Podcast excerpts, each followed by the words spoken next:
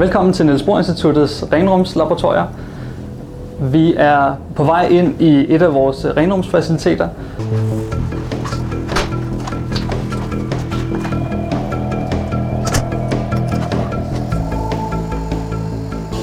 Et af de første trin i elektronstrålelitografiprocessen, det er det, der hedder spin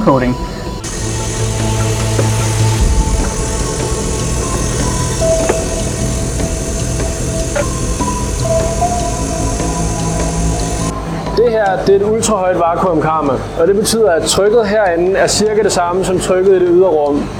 Og grunden til, at vi skal have så lavt et tryk, det er, at når vi bygger materialer til kvantecomputeren, så gør man det ved at dyrke en ultraren krystal, og det er man nødt til at gøre herinde, fordi hvis man har højt tryk, så er der en hel masse urenheder, der vil sætte sig på krystallen og ødelægge krystallen i virkeligheden.